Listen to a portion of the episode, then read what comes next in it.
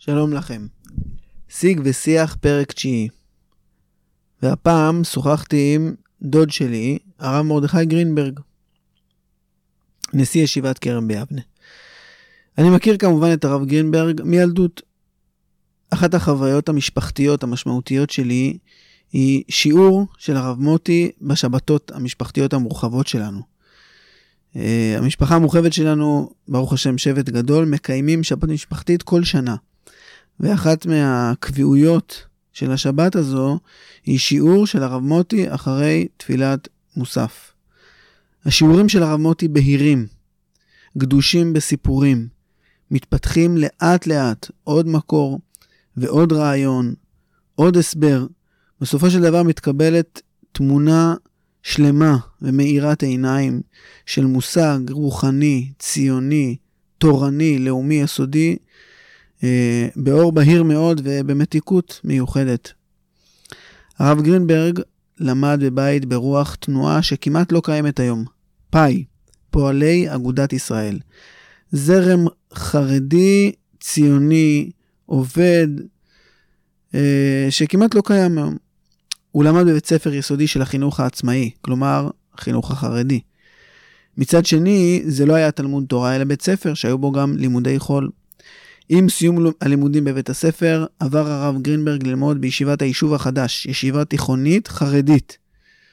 שוב, המורכבות הזאת שבין ישיבה חרדית לבין לימודי תיכון ובגרות.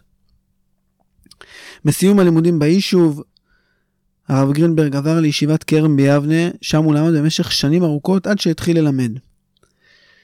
במהלך שנות הלימוד שלו, הרב גרינברג היה קשור מאוד לישיבת מרכז הרב, לרב צבי יהודה ולדמויות נוספות משמעותיות מאוד בישיבת מרכז הרב. מהם ומשם הוא ינק תורה אמונית וגאולית שהשפיעה עליו מאוד. ברבות השנים אה, הרב גינברג היה רם בישיבת כרם ביבנה, ראש כולל הלכה. הוא הקים כולל דיינות ואחר כך גם עמד בראשו. אה, ובשנות ה-90, כשראש הישיבה הראשון, הרב גולדוויכט, אה, סיים את תפקידו, הרב גרינברג נבחר לעמוד בראשות הישיבה. הרב גרינברג מכהן, כיום כנשיא ישיבת כרם ביבנה והוא מעביר שיעורים במקומות רבים.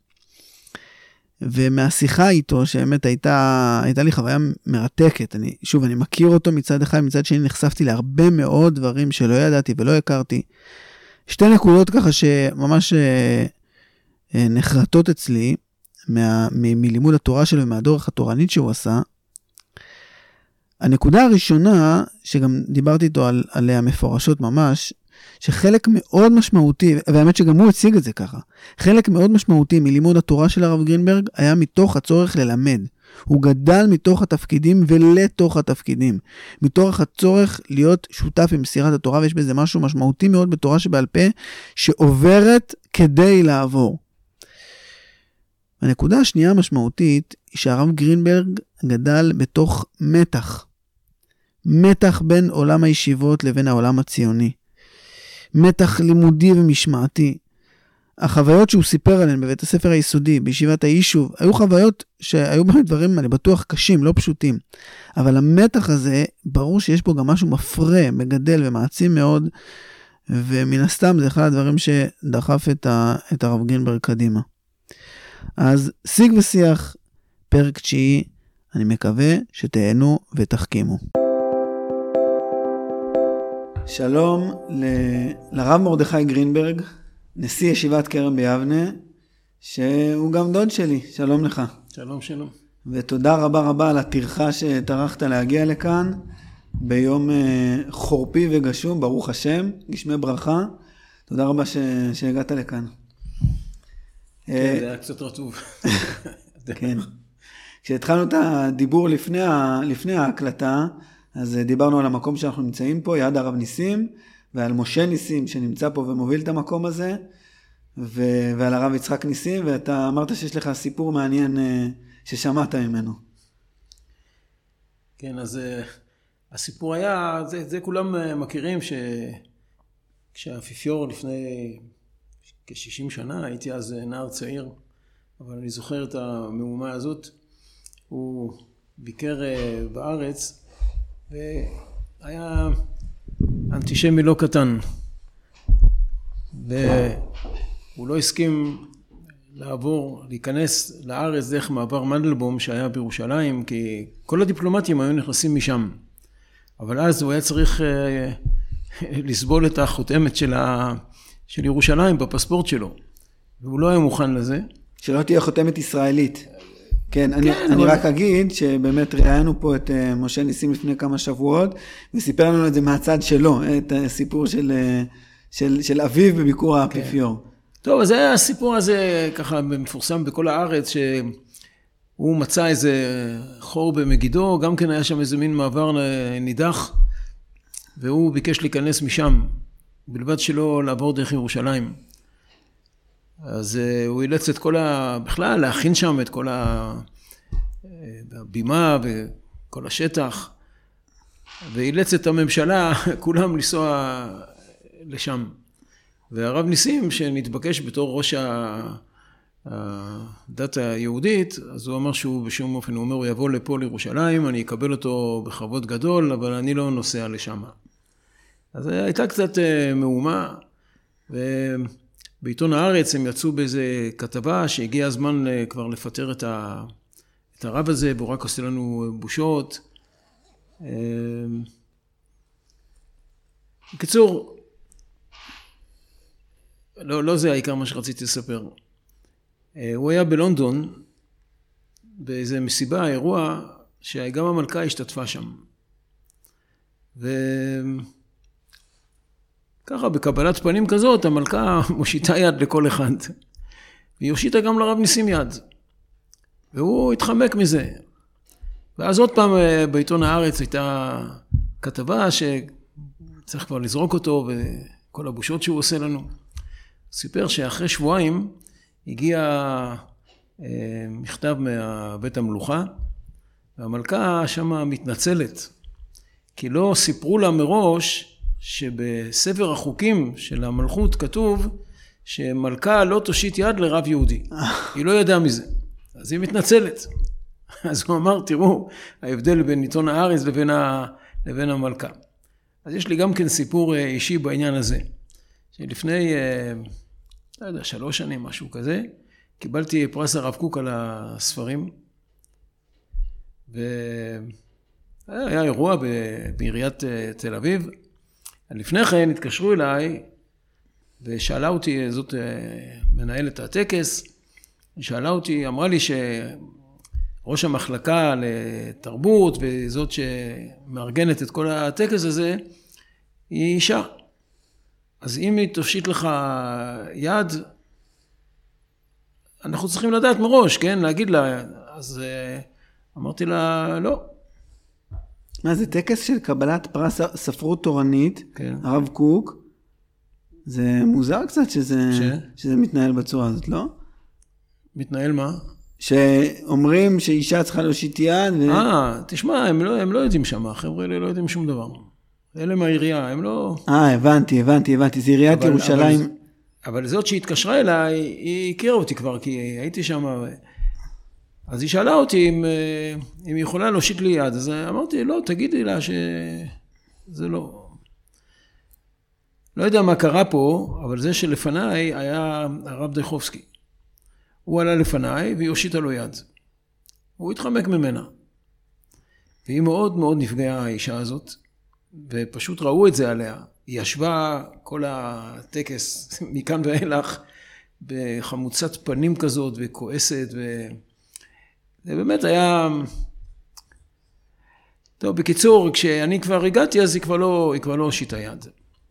אבל ככה היא ישבה כל הטקס. אז uh, בסוף הטקס היא עמדה ודיברה שם עם כמה אנשים, אז אני ניגשתי אליה, רציתי ככה, ראיתי מקום לפייס אותה. אז אה, סיפרתי לה את הסיפור הזה על הרב ניסים. ואמרתי לה, תראי, גם... מלכת ה... אנגליה יכולה המלכה... לספוג את העלבון הזה. כן, בדיוק. אה, ולא רק זה, היא ביקשה סליחה. לא- שזה חוקי בית המלוכה גם. כן, לא, כן, היא לא אמרה את זה כמשהו... כן, כן. ואז אה, ככה, היא העלתה חיוך על פניה ואמרה, לא, זה בסדר, בסדר.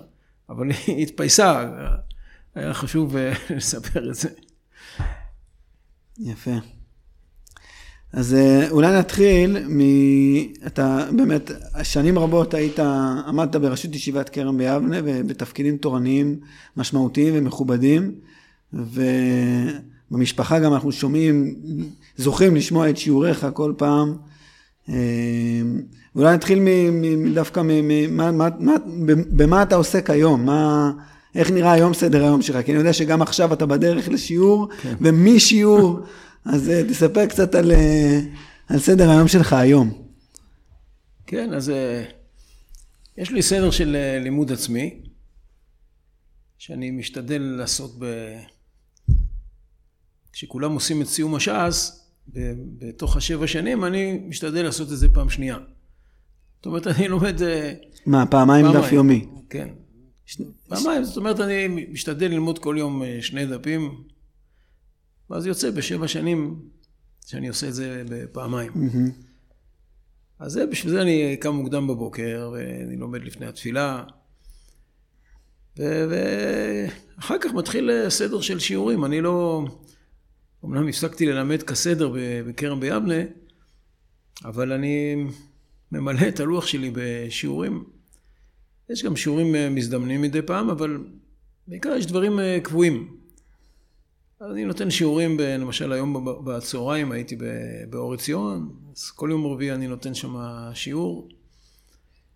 יש לי אה, מדרשה גדולה כבר כמה שנים בפתח תקווה, שבאות לשם איזה 150 נשים מכל האזור. מה זה, נשים, אז... נשים צעירות שלומדות בשנת לא, לא מדרשה? לא, נשים לא, מבוגרות שבאות ליום לימוד? מבוגרות, כן. Mm-hmm. אז הן לומדות מה, מהבוקר, מ-9 וחצי עד...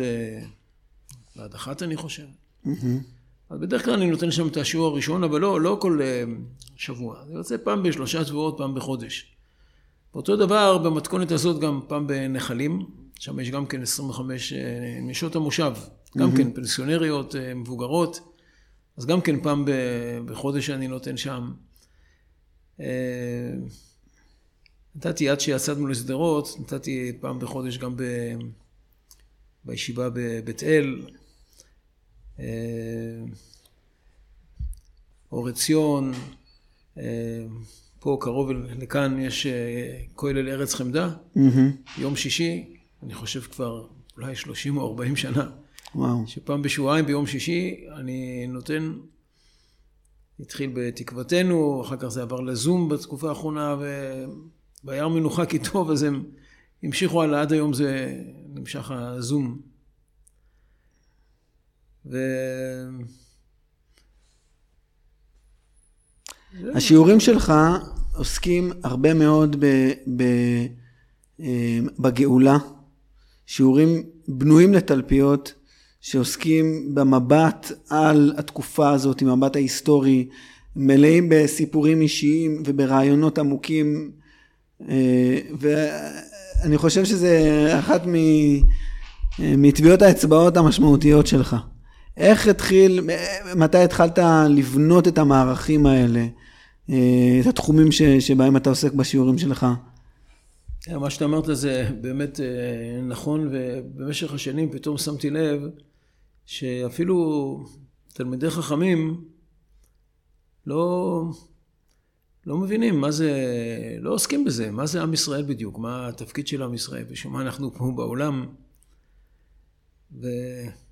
אתן לך דוגמה, שאני חושב שזו ההגדרה הכי אה, טובה למה זה עם ישראל, ואני שואל הרבה פעמים בשיעורים, מה הדיבור הראשון שהקדוש ברוך הוא דיבר עם אברהם אבינו? משפט הראשון, מה הוא אמר לו? לך לך לארץ אשר הרקע, ואסך לגוי גדול, ונברחו בך כל משפחות האדמה. ואני שואל את האנשים, מה זה הברכה הזאת, ואסך לגוי גדול? כמה מיליונים אנחנו צריכים להיות כדי להיות גוי גדול? האנשים לא, אין להם שום מושג מהדבר הזה. ואני אומר להם שגוי גדול זה הגדרה שכתובה בתורה. כי מי גוי גדול אשר לא אלוהים קרובים אליו, ומי גוי גדול אשר לא חוקמו משפטים. כתוב כאן שהגוי גדול, הכוונה עם שקרוב לאלוקים, ובגלל זה יש לו תורה מן השמיים. זה האבות של עם ישראל קודם כל. זה ההגדרה. סיפרתי השבוע ב, באיזה שיעור, אני זוכר בצעירותי מצאתי איזה חוברת בלויה כזאת, ישנה, דפים ככה חומים כאלה, בלי השער. לא, לא יכולתי להעלות בדעתי מי, מי חיבר את החוברת הזאת. אבל התחלתי לדפדף קצת, ומצאתי שם משפט שהדהים אותי. אז עוד לא עסקתי ככה בנושא ולא למדתי הרבה, אבל המשפט כתוב ככה: יסוד מחשבת ישראל היא ההכרה בערך האלוקי של נשמת האומה. זה היסוד, זה הדבר הראשון. ואתה שואל, מה זה עם ישראל? ההכרה בערך האלוקי של נשמת האומה. אנחנו לא עם רגיל, יש לנשמתנו ערך אלוקי. אחר כך במשך השנים גיליתי שזה מאמר של הרב קוק שהיום הוא מודפס במאמרי הראייה. זה נקרא נחמת ישראל. המשפט הזה מאוד אה, תפס אותי. פתאום מדברים על ה... תמיד, אתה יודע, כששואלים מה ההבדל בינינו לאחרים, אומרים, אנחנו אה, יותר מוסריים, יותר טובים. בסדר, זה הכל טוב ונכון. אבל מה הוורט פה? מה הנקודה שאתה יכול להצביע עליה משהו מאוד מיוחד. וזה מה שכתוב כאן, ואסחל לגוי גדול. דרך אגב, חשבתי שגיליתי את אמריקה בפשט הזה, בסוף מצאתי שזה מדרש מפורש. כי כשאברהם אבינו שאל את הקדוש ברוך הוא, מה אתה בעצם מבטיח לי? ואעשך לגוי גדול. בסוף פרשת נוח יש רשימה של 70 אומות. כן, אז הם היו אולי שבטים, אבל אם תספור, תראה שיש שם 70. אלה תולדות בני נוח. כן. אז הוא אמר לו, בסדר, אז עכשיו לא יהיה 70, יהיה 71. נו, אז מה, איך החבר'ה אומרים היום? big deal, כן? מה, מה הבשורה כאן? אז אומר לו הקדוש ברוך הוא, אתה לא הבנת מה שאני אמרתי. אני התכוונתי לומר שגוי גדול זה מה שכתוב שם בדברים, כי מי גוי גדול שאלוקים קרובים אליו, ומי גוי גדול שיש לו חוקים ומשפטים צדיקים כמו התורה הזאת. והגוי הגדול הזה יצא ממך. אתה לא תהיה האומה ה-71, אתה תהיה משהו אחר לגמרי. זה נקרא ואסחה לגוי גדול. ומה המטרה בסופו של דבר? ונברחו בך כל משפחות האדמה, כמו שאומר שם הרש"י, יש הרבה אגדות, הוא אומר, אני אגיד לך פשט. הפשט הוא שכל גוי יגיד לבן שלו, אתה רואה את היהודי הזה? ככה אני רוצה שאתה תהיה. וראיה לדבר אומר רש"י, בך יברך ישראל, ישמחה אלוקים כאפרים וכמנשה. כלומר, נברחו בך, זה כמו בך יברך ישראל. שאנשים אחרים... אתה המודל. בעצם... אתה המודל ל- ללמוד, לק... מקנאים בך, רוצים שהילדים יהיו כמוך. זהו, זה עם ישראל. והדבר הזה לא ברור אצלנו. אבל אני, אני שואל, מאיפה השתרשה אצלך התפיסה הזאת ש... גם, גם הסקרנות למושגים של עם ישראל, ושל ההיסטוריה של עם ישראל, ושל התפקיד של עם ישראל, וגם ההסברה הבהירה של, ה, של הפסוקים והמדרשים והאירועים, מאיפה, אתה, אתה גדלת בתוך כזאת שפה, אתה, איפה, איפה ספגת את, ה, את הסקרנות ואת התפיסה? כן, אז אני לאט לאט אה, למדתי את הדברים האלה מהרב צבי יהודה. אנחנו קבוצה של כמה אברכים מקרב ביבנה. התחלנו ללמוד אצל הרב ציודה. ביקשנו ממנו שייתן לנו שיעור פעם בשבוע. וכל יום חמישי היינו נוסעים בצהריים אליו, היה נותן לנו שיעור.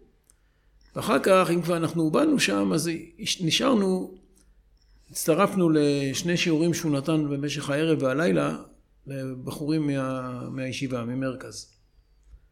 זה, אני חושב, איזה עשר שנים נמשך הדבר הזה. מי התחיל, מי, מי היה בחבורה? הרב אורי כהן והרב דני שילה, הרב יונה דוברת.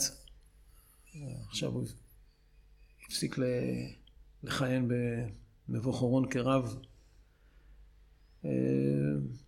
הרב מרדכי טובל, היינו ככה איזה חמישה, שישה. זה נמשך כעשר שנים. איך נוצר אבל הקשר הראשון? מה, ההיכרות עם הרב צבי יהודה וההיכרות עם זה שיש פה תפיסה מסוימת על עם ישראל ועל, ועל הדור שלנו ועל הגאולה? טוב, תראה, זה שיש לו תפיסה מיוחדת, זה, הדברים האלה כבר היו מפורסמים, זה לא דבר חדש. אמ, מי היה אצלו, אני כבר לא זוכר. אני הייתי הצעיר שבחבורה, הם כבר מה היו... זה, שנות ה-60 או ה-70? כן, כן. שנות ה-60? שנות ה-60. זה היה כזה מפורסם שהרב צבי יהודה הוא דמות שעוסקת... אה, כן, תשמע, זה היה בדיוק תקופת הפריחה שלו, אפשר להגיד ככה.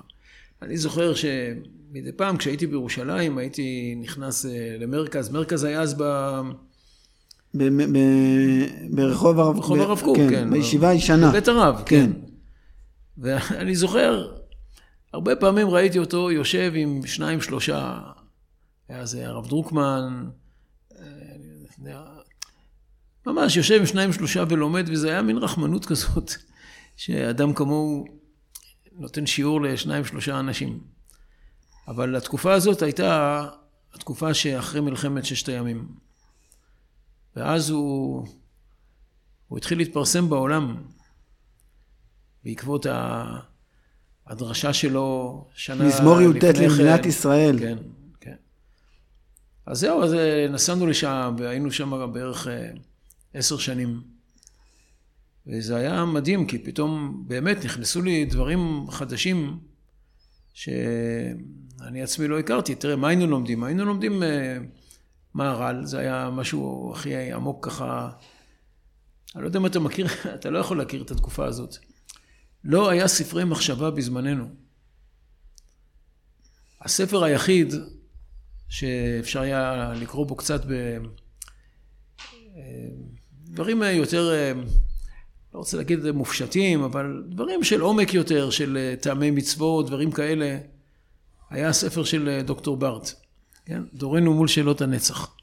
זה היה הספר היחיד שעסק בנושאים שונים בתורה, אבל לא, לא עניינים הלכתיים, אלא באמת מושגים מחשבתיים. אז זה היה הספר היחיד. המהר"ל, אני לא יודע אם אתה מכיר את זה, אבל היה הוצאת פרדס. ספרים שכתובים באותיות רש"י. צפוף צפוף, וגם קטנים, הספרים נראה לי שהם היו כן. יותר קטנים. כן. ההדפסות החדשות, נגיד, היום יש כבר באמת דפוסים חדשים לגמרי. לא, היום זה כבר אבל משהו. אני, אני, יש הרבה מהספרים, הם עדיין משתמשים באותה מהדורה, אבל יותר גדול. באמת, יצא לי פעם להתקל בספרים שהם הרבה הרבה יותר קטנים והרבה יותר קשים ל... לא, הספרים שאתה מדבר, זה הספרים החדשים שיצאו בלונדון, עם הכריכה האדומה.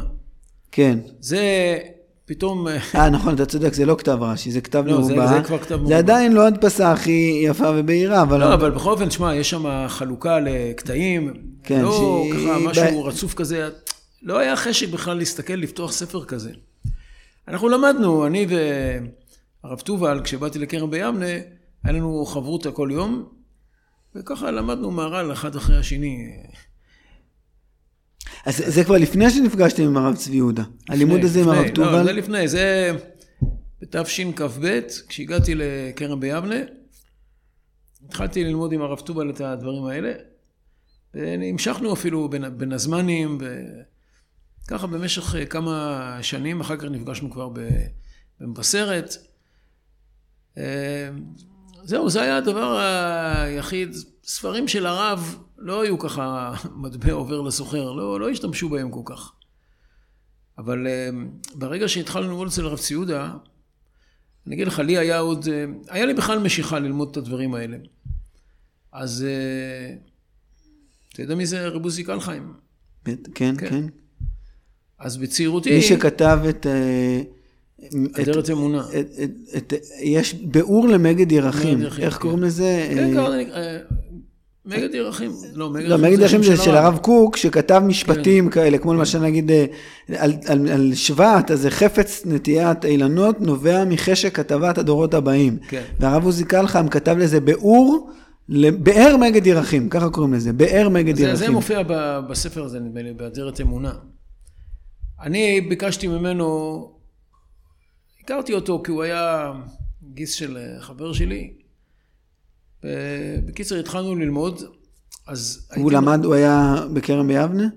לא, לא, לא. הוא למד במדרשייה, ואחר כך הוא למד במרכז כל הזמן. אבל הוא, היה לו כישרון אה, מיוחד להבין את הדברים, ובעיקר לכתוב, יותר מאשר בעל פה.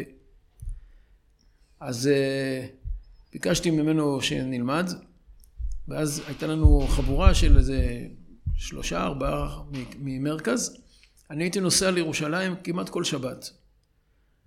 ובליל שבת, אחרי הסעודה, היינו באים לבית שלו, יושבים שם איזה שעתיים, ולומדים ספרי מהר"ל, זאת אומרת, למדת בכרם ביבנה, כן, זה ב-62 בערך, נגיד. כן. זה השנה שבה נכנסת לכרם ביבנה, אבל בשבתות לא היית נשאר בישיבה, אלא נוסע הרבה פעמים למרכז. הייתי נוסע לירושלים, ואז היינו לומדים אצלו בערב. בבוקר היינו הולכים להתפלל בוותיקין. לא יודע אם יש את זה היום דבר כזה, מושב זקנים שם ברחוב יפו. התפללנו ותיקין, ואז היינו הולכים אליו הביתה, היינו עושים קידוש, ועוד פעם לומדים איזה שעתיים, עד, אה, עד זמן הארוחה בישיבה. מה, גם מהר"ל, כל הזמן הזה, גם בליל שבת וגם כן, בשבת כן, בבוקר? למדנו ככה ברצף. אה, ואני עוד הייתי בא אליו אחרי הצהריים גם כן. עוד פעם, לחברותה. כן, כן. הוא היה מבוגר ממך? אה, בטח. כן, אני לא יודע בכמה, אבל בסופו של דבר הוא נפטר בגיל צעיר. אבל אה, כן, אני, אני הייתי אז ילד, הייתי אז בן, אני יודע, 22. זאת. אומרת שהקשר עם הרב צבי יהודה הגיע רק אחרי זה, זה עוד שלב מוקדם. אחרי אבל- זה, כן. אז איך הגעת בתור בחור או אברך- או אברך צעיר בכרם ביבנה, איך הגעת פתאום למרכז ו- ולרב קהל החיים? איך, איך, אני חיפשתי, אני אמרתי לך, אני, אני הרגשתי צורך ללמוד את הדברים האלה, אז למדנו את זה בחברותה. ואני זוכר, פניתי פעם, איך שנכנסתי לישיבה, פניתי לרב ברוך אפרתי, לא יודע אם אתה מכיר. הוא היה המשגיח הראשון ב... ה- הוא קשור לרב אה, אליושיב, זה... לא, לא, לא. לא, זה יוסי אפרתי. אה, סליחה, סליחה. לא, ברוך אפרתי, הוא כתב את הספר הסנגוריה במשנת הרב קוק. אתה מכיר? ספרון? לא, לא מכיר. לא מכיר? לא. אז הוא כתב את הספרון הזה. הוא היה מהראשונים הראשונים שהתחילו לאגד את הדברים של הרב ולחלק אותם לנושאים ולנושאי משנה. זה ספר מצוין. אז אה, פניתי אליו, אבל אני חושב שהוא כבר עשה איזה תפנית. והוא כבר לא, לא כל כך שייך לציבור שלנו. הוא בעצמו מספר, היה פעם אה, חוברת כזאת, מורשה. אז אה, הוא סיפר שהוא בא בא פעם להתייעץ עם החזון איש, מה ללמוד. הוא אמר שהוא נמשך מאוד לענייני מחשבה. והוא אמר שהוא לומד ספרי אורות הקודש. אחרי כמה חודשים הוא בא אליו עוד פעם, והחזון איש אמר לו, שמע, אני רואה קצת אה, שיש לך איזה בעיה, אתה עדיין לומד אה, אורות הקודש? הוא אמר לו, לא, כרגע הפסקתי. הוא אמר לו, לא, תמשיך, תמשיך, זה... ככה הוא מספר. הוא כנראה עשה איזה, איזה תפנית, ואמרתי לו שאני רוצה לבוא עם כמה חברים ללמוד אצלו פעם בשבוע, הוא לא, הוא לא הסכים. הוא היה, כן, ב... הוא היה המשגיח הראשון, אני חושב, בקרב ביבנה, שנה אחת. מהמם. אבל זה היה בשנות התשי"ד או ט"ו. מהמם. אז זה, אז אני חיפשתי מישהו.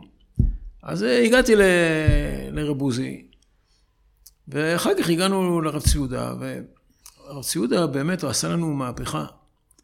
שפתאום התחיל לדבר איתנו על אה, מה זה עם ישראל, ומה זה התפקיד של עם ישראל, ומה זה גאולה, ומה קורה היום. דברים שבאמת אף פעם לא שמענו. ומאוד אה, ריתק אותנו, הדברים האלה. ובמשך עשר שנים אתה, אפשר להגיד שהוא בנה אותנו. כי בקרב ביבנה לא קיבלתי את הדברים האלה. את החלק הזה. אם, אם כל כך, אני יכול, שאלה שמתעוררת לי, אם כל כך חיפשת את הדברים האלה, ו, ומצאת אותם אצל כן. הרב עוזי קלחיים, ואצל הרב צבי יהודה, אז למה, מה גרם לך להישאר בכרם ביבנה? או, אז אתה צודק, אתה נכנס לראש שלי. אני באמת, אה, כשסיימתי את ההסדר, אז עברתי למרכז. חודש אלול, היינו הראשונים בב- בב- בבניין החדש. באיזה שנה זה? כ"ה, כ"ו. עוד לפני, לא, כ"ה, לפני כ"ה. מלחמת ששת הימים, לפני, לפני כן, מזמור כן. י"ט למדינת ישראל. כן. שנה לפני, אני חושב. עברתי לשם, והספקתי ללמוד שם רק אה, חודש, ואז ראש הישיבה ביקש ממני שאני אחזור, הרב גולדוויך. כן? הוא רוצה שאני להתחיל ללמד את הבני חוץ לארץ. אה, אז זה... אני אגיד לך עוד דבר, יכול להיות שדילגנו פה על איזה שלב חשוב. קודם כל, אחרי שלמדתי עם, עם רב עוזי, ככה תקופה ניכרת, אז אה, שאלתי אותו אם הוא היה מוכן לבוא לישיבה. הוא אמר לי שכן, ללמד. ללמד, כן. אז אה, הלכתי לראש הישיבה וסיפרתי לו שאני לומד עם רב עוזי והוא מוכן לבוא לישיבה. הוא אמר, בסדר. אז שידכתי אותם, ובאמת הוא לימד בישיבה, אני יודע, אולי 15 שנה, משהו. היה מגיע לשיעורים קבועים. היה מגיע, ב- כל יום, שיעורי אמונה ו... כן, כל יום חמישי היה. מגיע לישיבה, ובדרך כלל היה נשאר ללון, ונותן עוד אה, סבב של שיעורים ביום, ביום שישי. לקח הרבה זמן, הוא באמת הכניס איזה נופך בישיבה. אבל אני דילגתי על שלב חשוב, זה שאחרי שהתחתנתי, אז אמרתי לרב עוזי, טוב, עכשיו אה, אנחנו כבר לא יכולים ללמוד אה, בשבתות. בשבתות. אז מה, מה אני עושה? תציע לי מישהו... הוא אמר לי, תשמע, יש מישהו על ידכם ב... בכפר אליהו, אני אדבר איתו. אז מי היה בכפר אליהו? היה רב צבי טאו, שאשתו הייתה חולת אסתמה. והרופאים תמיד המליצו על גדרה, בגלל, לא יודע למה, אבל אמרו שיש שם אוויר יבש וזה עוזר ל... אני זוכר. הרב הדרי היה משגיח אצלנו בישיבה. הוא בא בערך באותה שנה שאני באתי. אני באתי באלול, הוא בא בפסח. והוא היה משגיח אה, שלוש או ארבע שנים. ואשתו גם הייתה סבלה ממחלת אסתמה, אז הוא אמר לי שלפעמים באמצע הלילה, אם היא מקבלת איזה התקף, אז הוא לוקח אותה לגדרה, שהיא תנשום שם את האוויר. בקיצור, הם עברו, רב צבי טאו עבר ל- לכפר אליהו, והוא היה שם כמה שנים. אז אה, רב עוזי דיבר איתו, ובסדר, הוא הסכים. אז אה, כל יום שני בצהריים, הייתי, לימדתי אז בפעם בשבוע בתיכון הכללי של גדרה. שאז בתיכון הכללי עוד היו חייבים ללמוד אה, גמרא, תלמוד. ולימדת גמרא? היית מורה לגמרא? כן. אז הייתי מאוד אה, צעיר אז. אז, אז אה, יום שני הייתי נוסע מ-12 עד 1 וחצי, משהו כזה, ומשם הייתי הולך ברגל כמובן לכפר אליהו. הייתי מגיע אליו בשתיים, משהו כזה, והיינו יושבים שש שעות רצוף. משתיים עד אה, קצת... שמונה. עד קצת, קצת לפני שמונה, כי בשמונה בערך, שמונה, שמונה ורבע, היה אוטובוס אחרון מצומת קנות לכרם ביבנה, לקיבוץ. אז הייתי הולך דרך השדות לצומת קנות וחוזר לישיבה. אז היינו יושבים ככה שש שעות, מה הייתם לומדים? אורות. כמה זמן למדתם ככה בחברותה כזאת קרובה? אה, אני חושב שנתיים. וראש הישיבה לא כל כך אהב את זה. לא אהב שאתה... שאני הולך לשם. תסביר. תשמע, הוא ירושלמי ממאה שערים. בקושי הביאו אותו לכרם ביבנה. היה צריך להשתלב עם קבוצה של חבר'ה מבני עקיבא, שהראש שלהם בכלל שונה לגמרי מהראש שלו. והוא, הירושלמי הזה, לא למד לפני כן ענייני מחשבה. כל הגדלות שלו במחשבה במשך השנים, זה היה מהשיחות שהוא היה... מה פתאום הוא התחיל לתת שיחות? אז הוא סיפר לי פעם. הוא היה נותן שיחות, דרשנות כזאת, הוא היה דרשן מעולה. אני זוכר, הדוד שלי בבני ברק אמר לי שהוא זוכר שהוא למד בסלבודקה, ראש הישיבה, בליל תשעה באב היה נותן שיחה ב... בבני ברק. הוא אומר, הקירות היו בוכים, ככה הוא הגדיר את זה. אבל אה, דרשנות כזאת, שרגילים בחברה החרדית. החרדי. כן.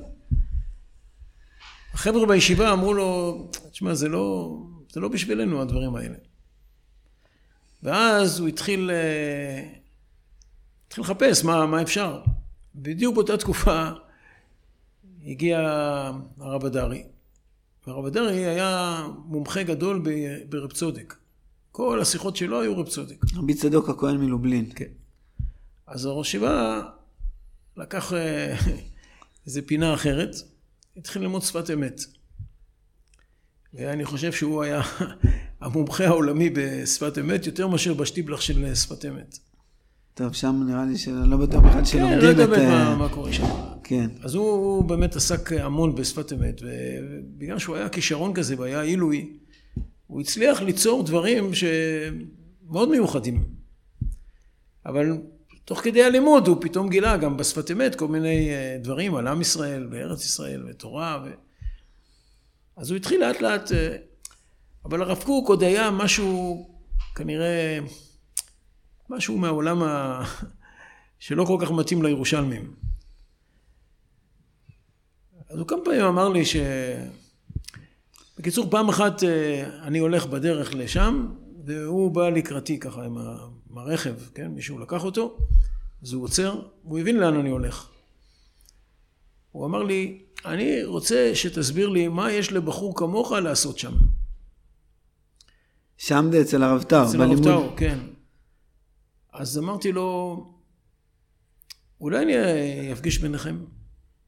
לא יודע, פתאום עלה לי איזה הברקה כזאת. אמרתי, אולי אני אפגיש ביניכם, שהרב יראה מי זה. אמרו לי, בסדר.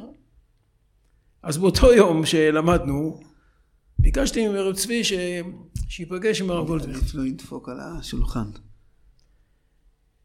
אז אה, בסדר, הוא אמר, אני מוכן.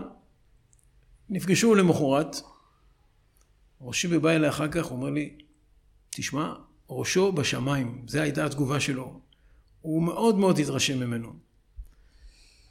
ואז אה, קיבלתי אומץ, אמרתי לו, אולי נבקש ממנו שיבוא לתת שיעורים בישיבה, הוא אומר לי, בסדר.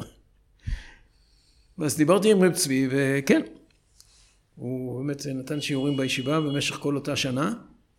היה בא, נדמה לי, ביום רביעי, והיה נותן כמה שיעורים לכולל ול... מה, מה הוא לימד? אני חושב גם כן אה, אורות. ישבתם במשך שנתיים, שש שעות פעם בשבוע, נוצר גם קשר אישי עם הרב טאו? כן. תראה, אחר כך, כתוצאה מזה, אז כשנסענו לרב צבי יהודה, קצת יותר מאוחר, אז אה, רתמנו גם אותו למסע הלימודים הזה. אז היינו מתחילים דווקא אצלו.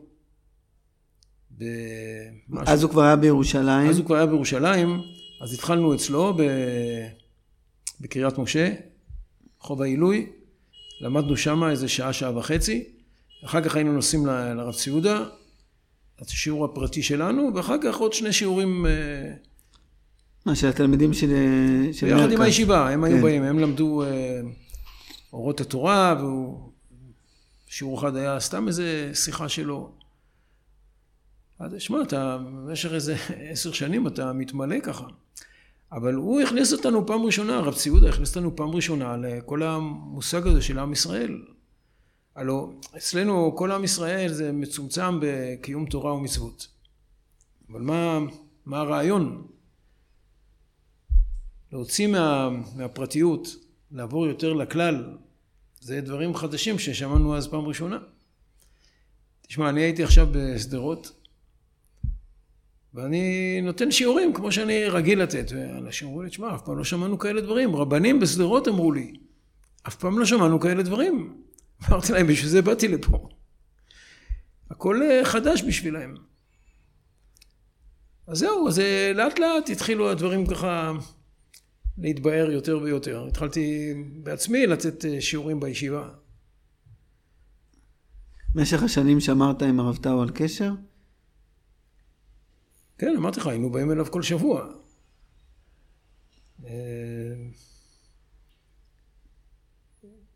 קשר אישי, אני לא יודע, ממש... אה, קודם כל, הוא דאג תמיד שאני אכתוב תפילין לילדים שלו. אז התפילין של כל הילדים של הרב טאו זה תפילין שאתה כתבת. כן. תמיד היה שולח אה, מישהו שישאל אותי, כי הוא אמר שהוא לא רוצה לשאול אותי, שלא יהיה נעים, אולי אני לא יכול, אז לא יהיה לי נעים, אז הוא שלח מישהו אחר. אבל אה, כן.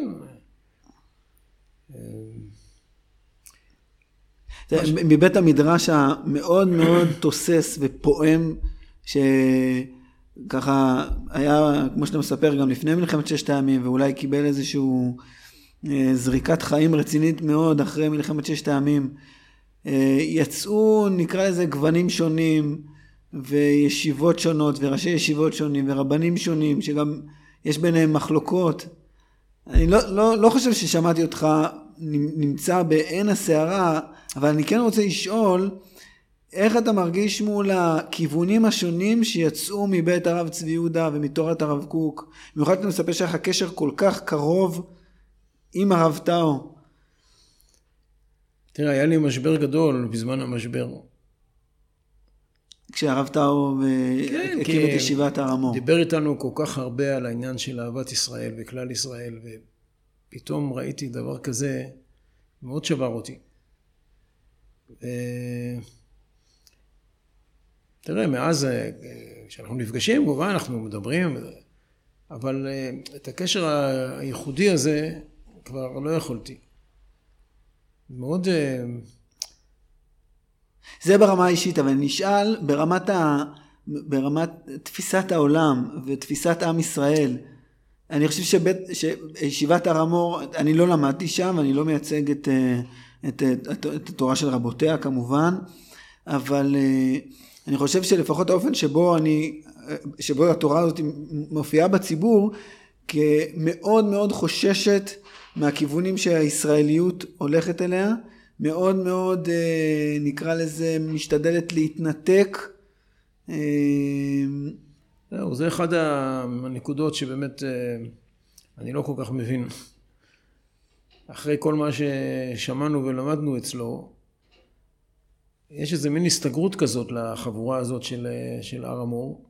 אני לא יודע בדיוק מה עומד מאחורי זה, אם זה משבר, ייאוש, מה, ממה שנעשה כאן היום, אבל אה, לי באופן אישי מאוד אה, קשה לי, וגם הייתי מקורב לרב אברום שפירא, ואני זוכר את, ה, את האירוע, ממש אירוע טראומטי שהיה בזמן, דרך אגב, נחמיה, הבן שלנו התחתן בחודש, אה, בסוף, אני חושב, סוף תשרי, וזה היה בדיוק אחרי הפילוג.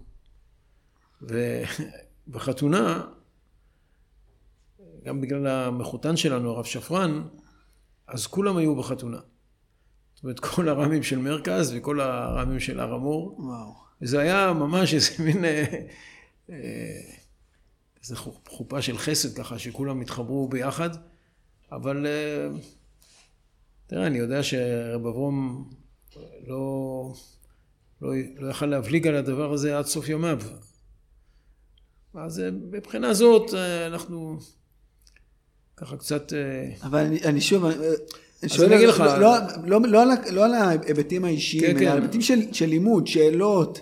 הרי שוב, זה, היית כנראה מאוד מאוד קרוב לרב טאו, למדת איתו באמת בחברותה, כן, שעות אני... מאוד מאוד ארוכות, תראה, לשאול אותו. אני זוכר שמדי פעם הייתי ככה מתנצל, כי לא היה נעים לי לשבת איתו כל כך הרבה זמן, אני לא יודע מה הוא היה יכול לעשות באותם, אה, באותו זמן, והייתי מתנצל שאני, הוא אומר לי, מה אתה מדבר? הוא אומר, מזל שאתה בוא לפה, אתה בא לכאן, אין לי אף אחד, אין לי מי לדבר פה, טוב שאתה כאן. אה, נתן לי תחושה מאוד אה, טובה.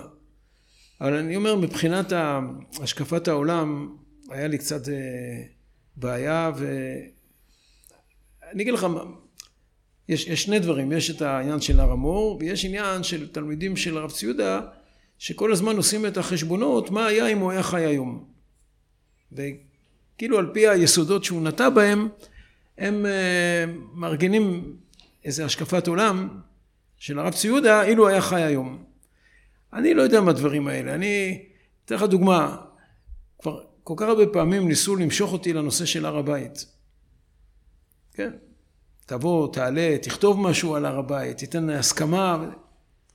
זאת אומרת, חבר'ה, אני שמעתי ממנו משפט אחד כמה פעמים. מהרב צבי יהודה. וזה מה שחרוט אצלי בראש. הוא אמר, אנחנו בעניין הר הבית נטורי קרתא. זהו. מה שהם סוברים על המדינה, אנחנו על הר הבית, אנחנו לא עולים לשם. עכשיו אה, באים אחרים ומוצאים מחברו עלה בראיה, אני לא יודע, אתם אומרים אילו היה חי היום, היה חושב אחרת, אני לא יודע, אני קיבלתי ממנו וזה מה שאני, אני לא נלחם נגדם, כן? מותר להם לחשוב ככה, אבל אני עצמי לא. אז זהו, אז יש עניין של הר המור, זה באמת נראה היום השקפה שונה שבאמת מפריעה לי. ההסתגרות הזאת, ואני שומע גם בהר חומה, חדרים שלהם לבד, גני ילדים, לא יודע, אני לא כל כך בקיא בזה, אבל mm-hmm. במקום להיכנס ולהתערות, כמו שדיברו כל הזמן על עם ישראל, משהו השתנה שם, אני לא יודע. אני רוצה לחזור עוד אחורה. דיברנו ככה בקטעים קטעים על, אה, על כרם ביבנה ועל אה, מרכז והרב צבי יהודה והרב עוזי קלחיים, אבל איך בכלל התחיל הקשר שלך עם עולם בית המדרש ועם עולם התורה? איפה... גם אמרת גם אה, שהייתה לך תמיד סקרנות כזאת וחיפוש ל... לתחום הזה של מחשבה ושל אמונה.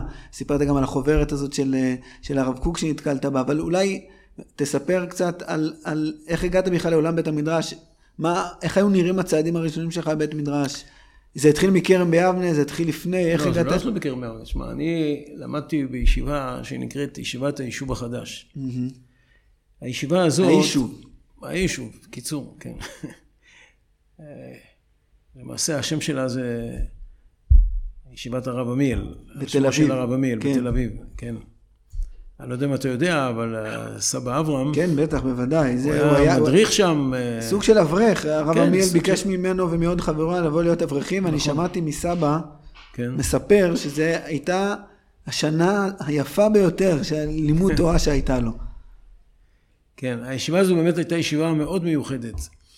אה, רמת לימודים מאוד גבוהה. ישיבה תיכונית בעצם. ישיבה לא, תיכונית. לא ישיבה גבוהה.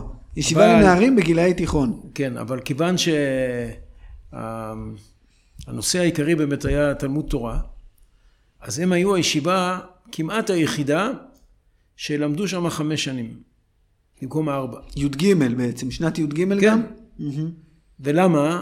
מפני שהיום תלך לספר את זה לבחור בישיבה תיכונית, הוא לא מבין בכלל על מה אתה מדבר. אנחנו למדנו גמרא מתשע בבוקר עד חמש אחרי הצהריים. היה סדר בבוקר, אחר כך היה שיעור שעתיים, מ-11 עד 1, שיעור בגמרא. ואחר כך משלוש עד חמש, ומתפללים אה, מנחה או ערבית, עוד פעם גמרא. רק בחמש וחצי התחילו ללמוד לימודי חול. בערב ממש, לא בערב, אחרי, לא כן. לא בצ... כן. וכל הלימודי חול הצטמצמו בשלושה שיעורים. כל יום. ביום. Mm-hmm. כן, ולכן זה לקח אה, חמש שנים. אבל הצד הדומיננטי של המוסד הזה היה לימוד גמרא. עכשיו, לימוד גמרא ברמה שאתה לא מוצא את זה היום בישיבות תיכוניות. היום באמת לאט לאט מתחילים גם כן אה, סוג של ישיבות כאלה. היה אצלי לפני כמה שנים אה, זולדן.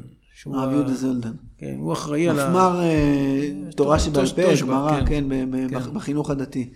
הוצאתי לו מחברת שלי משנה ג' בישיבה. אמרתי לו, תסתכל, תראה מה כתוב שם. כל הראשונים והאחרונים, אתה יודע, קצות, נתיבות, רבי עקיבא איגר, איפה יש היום בישיבות דברים כאלה? עכשיו, הוא, הוא לימד אותנו גם איך ללמוד. מי זה הוא? זה הרב... זה הרב קולודצקי, הוא היה ראש הישיבה, הוא היה הכל שם. הוא היה תלמידו של רב שמעון שקופ, שהוא היה בחור צעיר בן 16. Mm-hmm. הוא עלה לארץ. איפה הוא היה תלמיד שלו? בגרודנה. בגרודנה. כן. וזה תמיד היה לנגד עיניו, ואנחנו חיינו את רב שמעון. למדתם שערי יושר על הסדר? לא, לא, שערי יושר אה, לא למדנו. אבל uh, הוא אמר לנו כל מיני דברים.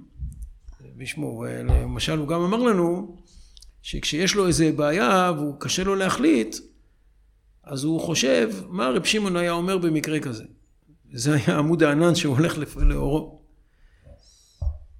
אז uh, אני לא יודע אם הוא קיבל את זה שמה, או בכל אופן הייתה לו, קודם כל זה, הוא היה מאוד קפדן. ולא היה אכפת לו מה יגידו, מה ידברו, לא, לא עניין אותו. הוא אמר לנו פעם, לא אכפת לי שלא תבואו ללוויה שלי. אני צריך להוציא אתכם מפה לישיבה גבוהה. זה התפקיד שלי. כל השאר לא מעניין אותי.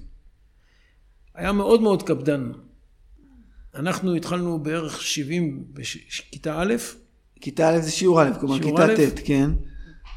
משהו כמו 70 בחורים, גמרנו 20 וכמה. אנשים לא, לא החזיקו שם מעמד. כי הם עזבו, כי המוסד... אה, חלק אה, אמרו להם ללכת, וחלק אה, לא יכלו לעמוד במתח הזה. אבל אה, מה, מתח של משמעת ושל...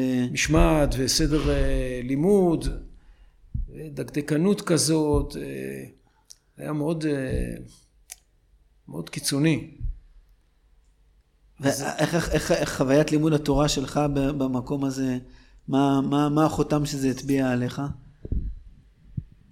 אני חושב, ההתמדה, על זה שאתה כל הזמן אתה צריך אה, ללמוד ולהספיק ולהבין ולהיבחן. מתח הלימודים שם הוא מאוד... אה, תראה, אנחנו היינו לומדים בערך 90-100 דף בשנה, אבל לא סתם גמרא רש"י. כל תוספות, ראשונים ואחרונים, זה משהו מבהיל. בבחינת בגרות שלנו, לך תספר את זה היום לבחור מישיבה תיכונית. אנחנו נבחנו בבגרות על 50 דף גמרא, רש"י ותוספות, אתה ידעת בעל פה את כל ה-50 דף. חוזר עוד פעם ועוד פעם. זה, באמת, זה היה משהו מדהים, וזה זה הטביע בך חותם, זה ככה שזה התחיל לפני כרם ביבנה. חותם של רצון, אמרת שחותם של התמדה ושל יכולת ושל... אבל גם חותם שאיפות, של... שאיפות, כן. שאיפות, אם, אתה כבר באמת לומד כל כך הרבה. אני אגיד לך, אני לא חלמתי אף פעם להיות ראש ישיבה. אבל הוא מדי פעם היה מכניס לי את זה בראש. היה אומר לך אישית. כן, למה? כי. כי בסוף ה... הייתי ביחסים מאוד טובים איתו. אבל לקראת הסוף, כשהוא שמע שאני הולך לכרם ביבנה, הוא פשוט שיחק איתי ברוגז. לא דיבר איתי ו... אתה צריך ללכת, הוא אומר, לישיבה כמו ישיבת חברון או כפר חסידים, ובסופו של דבר להיות ראש ישיבה או דיין. ולמה באמת... אה, צחקתי לו בפנים, אמרתי לו, תשמע, מה, איפה אני ואיפה ראש ישיבה ואיפה דיין? אני לא... אה, בכלל לא... לא היה בשאיפות שלי ובראש שלי. אבל הוא כבר, הוא היה הראשון שהכניס לי את זה בראש. האמת היא שכדי לרצות אותו נסעתי פעם עם עוד חבר לשבת לכפר חסידים. ודיברנו שם עם ראש הישיבה והוא בחן אותנו. אבל ה... היחס שהוא הקרין היה כל כך אה, קר, שאמרתי, זה לא, זה לא בשבילי הדבר הזה. ואז החלטתי לנסוע שבת אחת לכרם ביבנה, והבן של ראש הישיבה למד בישיבה קטנה בפתח תקווה. אז אה, כל יום שישי הוא היה נוסע לתל אביב, פתח תקווה, והיה לוקח אותו בחזרה הביתה. הרב גולדוויכט כן, היה נוסע מכרם. ביבנה להביא את הבן שלו מ- כן. מהמרכז. ואנחנו עלינו, ב, אני וחבר, עלינו לאוטובוס בתחנה מרכזית, והגענו לכרם בימלה, והוא היה באוטו עם הבן שלו, אבל אנחנו לא הכרנו אותו, לא ידענו מי זה. לא חשבנו בכלל שזה ראש הישיבה. גם כשירדנו, הוא הבין שאנחנו באים לישיבה, הוא שאל מי אתם, מה אתם רוצים וזה. אמרנו לו, באנו לשבת לישיבה, אז הוא אמר לנו, תראו, תיגשו לחדר אוכל ותאכלו משהו. אבל אם זה כבר מאוחר וכבר גמרו את ארוחת צהריים, אז תבואו אליי הביתה. תאכלו אצלי. תשמע, אחרי הקבלת פנים שהיה לי בכפר חסידים, פתאום, וצריך לציין גם אחרי כמעט חמש שנים ביישוב, זה היה ממש אה, אתה- אתה אומר ביישוב שגם היה מאוד קר. דיסטנס ו- מאוד, מאוד. וקפדנות מאוד. ופחות אה, חום ו... הפגישה איתו הייתה ממש אה, מים קרים על נפש עייפה. זה כל כך מצא חן בעינינו. אחר כך בשבת עצמה הוא קרא לנו כמה פעמים ודיבר איתנו וסיפר לנו מה הולך בישיבה. בקיצור, הוא היה מאוד, יהודי מאוד חם. אתה חשבת במושגים של ישיבה חרדית, ישיבה ציונית דתית? זה היה לך, היה לך בראש, עמדת בצומת הזה מישיבת היישוב הלאה? תשמע, אין, חוץ מכרם ביבנה, אין ישיבה ציונית דתית. אבל כרם ביאב נתפסה אצלך כישיבה אחרת, כישיבה ציונית. דתית, וזו הייתה סיבה ללכת אליה או להימנע? כן, לא. אה, כבר אז היה כמין הסדר, לא קראו לזה אז הסדר, אבל זה היה משהו כזה. וידענו שהולכים לצבא, ולפניי היו שם, שנה מתחתיי, היה שם רפי פוזן ויהודה שביב, ושנה עוד קודם, שהם גם הגיעו מהייש- מהיישוב? גם הגיעו מהיישוב, כן. היישוב היום זאת ישיבה שחרדית לגמרי, לא יודע בדיוק איך להגדיר אותה, אני כבר אין לי קשר שם, אבל... אה, לפחות נתפסת, אני לא מכיר אותה גם, אבל אה, כש, כשאתה למדת שם זה גם היה מוסד שהוא היה מזוהה יותר בצורה... לא, הוא היה, הוא פשוט, נראה לי שהוא התחמק מלהיפגש עם כל הבעיות האלה. מי, הרב קולודצקי? כן. אז למשל, ב... בליל יום העצמאות, הוא שחרר אותנו.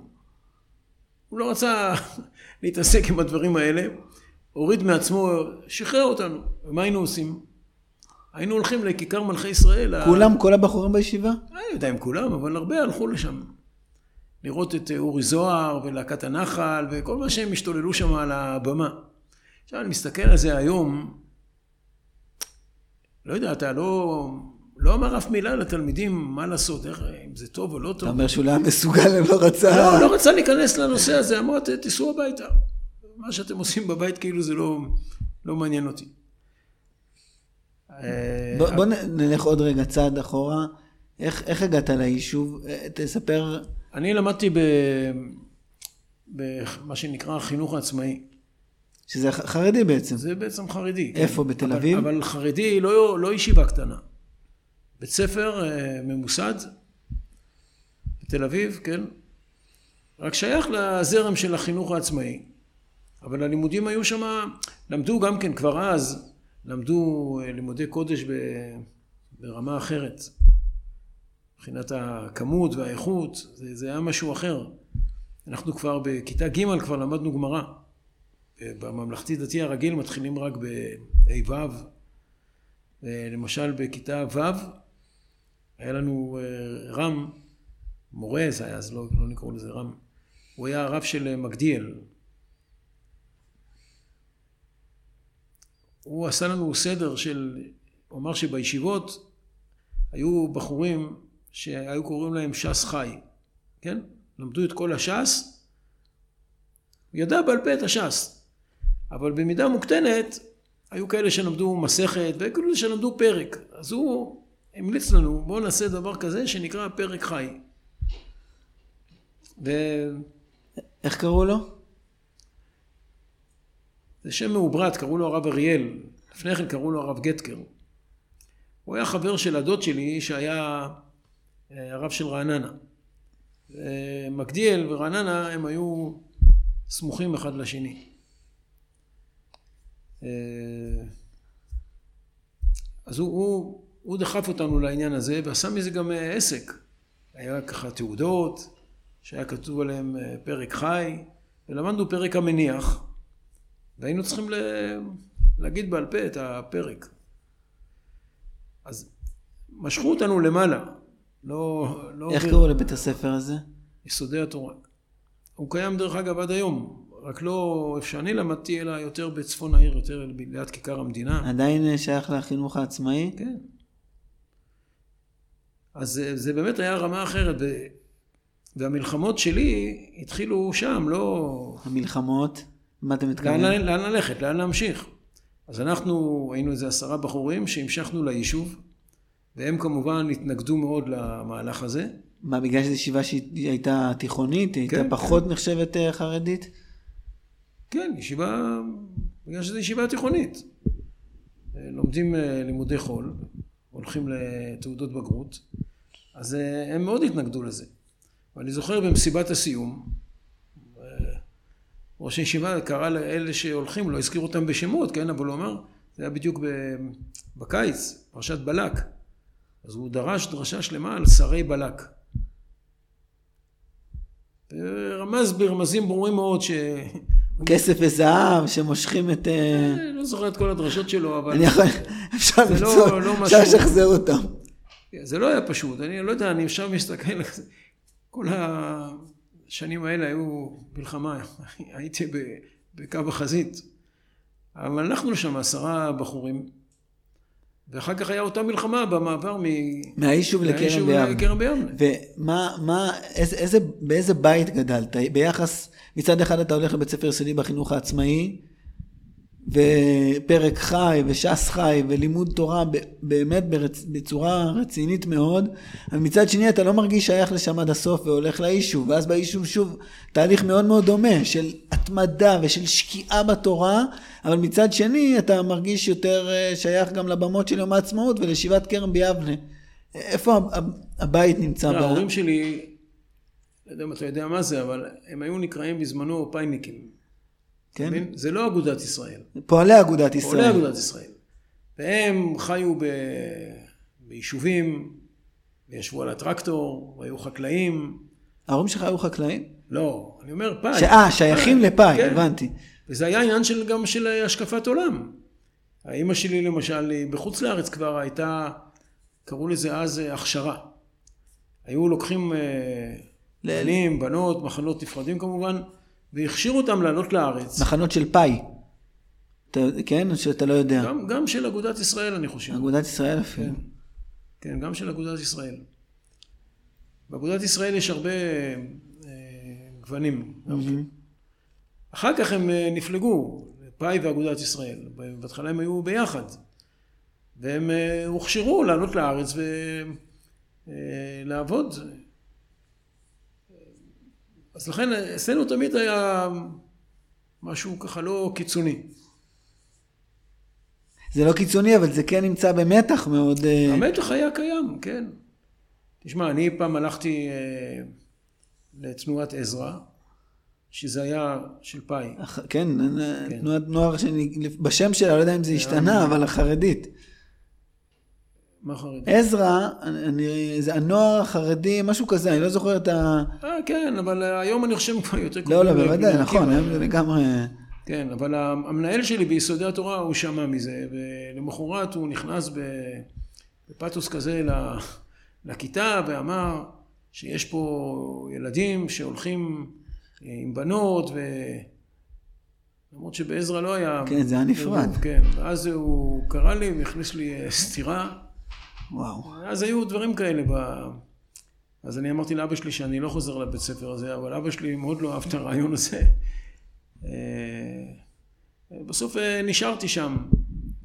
אבל כן, היה, כל הזמן היה מתח כזה, ואחר כך גם ביישוב ככה, בשנה האחרונה, ברגע שהוא שמע, רק כשנתמניתי ראש ישיבה, הוא שינה את היחס שלו אליי. וואו. אז אה, לפעמים הוא היה פוגש אותי בחתונות של בוגרים, היה מתייחס אליה כבר אה, יפה, אבל אה, היו שנים רבות של מתח ולא, אף פעם לא הייתי שם. בסוף ימיו, אני זוכר פעם עברתי שם, אז אמרתי, יאללה, אני אכנס. בדיוק אז הדפסתי את הכרם לשלמה, אמרתי, אני אתן לו ספר. אז הוא דווקא מאוד אה, כיבד אותי, הושיב אותי על ידו שם על הבמה, אמר לכל הבחורים ללכת שהוא עסוק עכשיו, ישב ודיבר איתי, סיפר לי על הדברים שלו, אבל הרבה, זמן רב היינו ככה מאוד במתח. הוא ראה את זה כסולל דרך אה, גם לאחרים.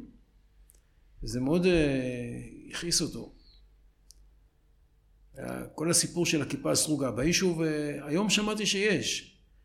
כי זה הפך להיות כבר משהו יותר שכיח, אבל אז, אבל כשגמרתי את היישוב... זאת אומרת, היה אסור ללכת עם כיפה סרוגה בישיבה. כן. לא רק זה, שם היו צריכים ללכת גם עם איזה כובע, בתפילה. אז אז הלכנו עם ברטים, אני לא יודע אם אתה יודע מה זה. כן, כובע, יש תמונה של החפץ חיים שהוא עם לא, כובע לא, כזה. לא, לא, זה נקרא קסקט. הברטים זה משהו כזה עגול, אה, שאז היו הולכים, היום כמעט לא רואים את זה. כן, לפעמים היינו הולכים עם אה, קסקטים. פעם עשינו ככה בינינו לבין עצמנו כמין מחאה כזאת, וכולם קנו קסקטים, ועשינו אני אראה לך פעם תמונת מחזור, כולם עם קסקטים. אבל זה היה בדיחה. ביום האחרון של הלימודים גמרנו בחינות בגרות בגמרא, שזה היה משהו באמת אה, נורא ואיום. אמרתי לך, חמישים דף, להיבחן על זה בעל פה, זה, עם תוספות, זה לא היה פשוט. אבל אה, אחרי הצהריים גמרנו את המבחן, נאספנו כולם ברחבה שבאמצע הישיבה, וכולם העיפו את הקסקטים למעלה, אתה יודע, כמו שעושים בקורס קצינים שמעיפים את ה... ושם היה כלל כזה ביישוב, מה ש... תמיד כשאתה עושה משהו לא כשורה לפי דעת הישיבה, הוא תמיד היה מופיע. הוא תמיד היה רואה את זה. מי, הראש ישיבה? כן. והוא, מהמרפסת של ביתו, הוא ראה את, ה...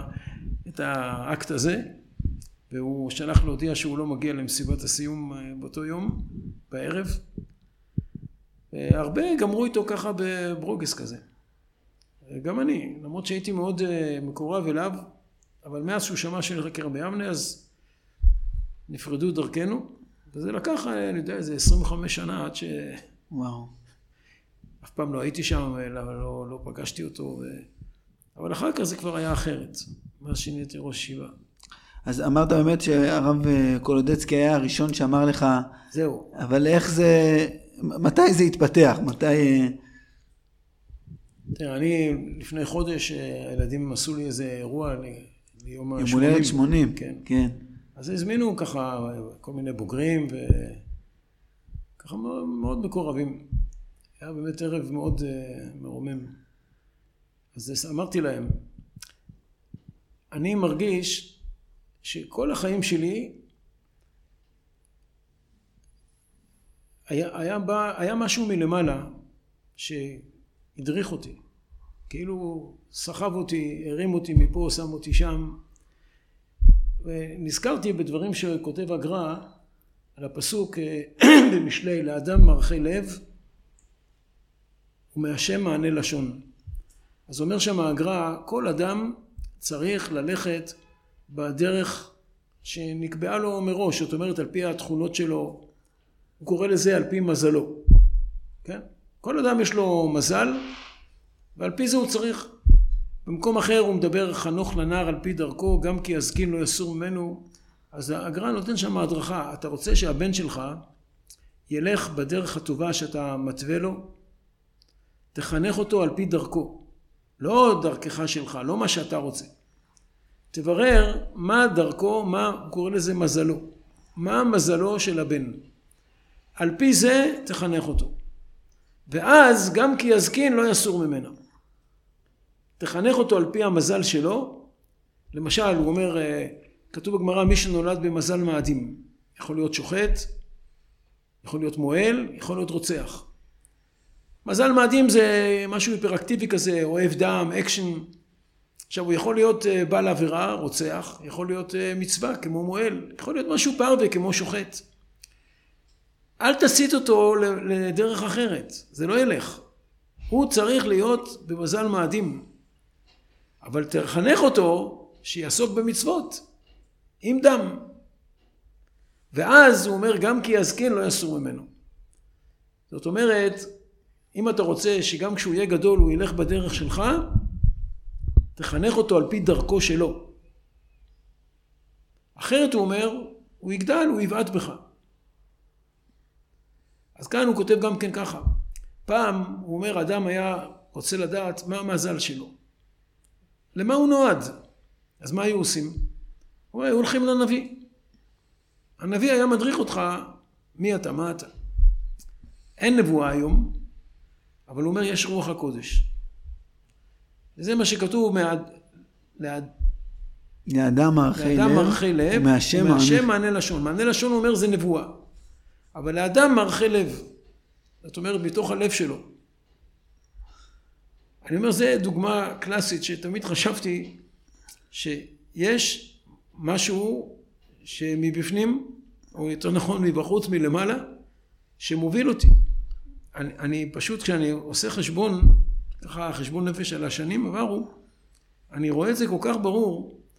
אני, כמו שאמרתי לך, אני מעולם לא חשבתי להיות ראש ישיבה. חשבתי להיות uh, מורה, אני אגיד לך אפילו לפני שנכנסתי ליישוב, לקרן בימנה, היה בזמננו uh, סידור כזה שנקרא uh, יישובי ספר. אז בחור ישיבה היה יכול במקום ללכת לצבא, להמיר את זה בארבע שנים של הוראה ביישוב ספר. והיו לי חברים שהלכו על זה. יש לי חבר שהלך איך קוראים לזה? שתולה? משהו בגבול לבנון ממש. אה, לא יודע, לא... ממש בגבול לבנון, על יד אה, ראש הנקרה שם. היה ארבע שנים מורה ביישוב ספר. היה לי גם כן מחשבה כזאת, כי תמיד אהבתי ככה להדריך וללמד, אז חשבתי שזה הייעוד שלי. אבל אחרי שהלכתי לקרן בימלה והלכתי לצבא, אז כמו שסיפרתי לך, עברתי למרכז, ואז הוא ראש ישיבה קרא לי. אמר לי... להתחיל ללמד. כן, הוא אמר לי, תחזור. את התוכנית של אה, חוץ לארץ, אמרת. תוכנית חוץ לארץ, כן. עכשיו, לא ידעתי, אני... זה לא הלך בשנה הראשונה, אלא יותר בשנה שאחרי זה. ובינתיים התחתנתי, ונכנסתי ללימודי הכולל, ואז הוא אמר לי שעכשיו אני יכול להיות אה, רם שם, ולא ידעתי מה לעשות, להמשיך ללמוד בכולל, או להתחיל ללמד, בסך הכל אני בחור צעיר. אז הלכתי בקביעות שלי עם הרב צבי, אמרתי לו, תראה, הראש ישיבה מציע לי ככה. עם הרב טאו אתה מתכוון. הרב טאו, כן. כן. הוא אמר לי, לא, לא, אל תיקח, אתה צריך ללמוד כמה שנים, ואחר כך תוכל ללכת ללמד. עכשיו, התשובה הזאת לא מצאה חן בעיניי. למרות שהיום אני חושב שאם היה בא אליי בחור בן 25 ואומר לי ש... הציעו לו להתחיל ללמד. כן, אז הייתי אומר לו, תשב, תלמד, מה, מה יש לך להעניק בגיל 25, כן? תתמלא. הרב נרי אמר לי פעם, אתה רוצה להשפיע, אז תמלא את הכוס עד למעלה ויותר מזה. ואז יישפך... אם אתה אה, ממלא חצי כוס, זה אף פעם לא ישפע החוצה. התשובה שלו לכאורה הייתה נכונה, אבל אני מאוד רציתי ללמד, אז הלכתי לרב ציודה, ואמרתי לו, אז הוא אומר לי, תיקח, תיקח. כי אדם שלומד בשביל ללמד, זה לימוד אחר לגמרי. אז אה, קפצתי על המציאה הזאת. באמת היית, התפקיד הראשון שלך בישיבה היה הרם של בני חוץ לארץ? כן. תראה, לפני כן הוא היה נותן לי מדי פעם קבוצה של בני חוץ לארץ, ובתוך זה נמשכתי בכלל לנושא הזה.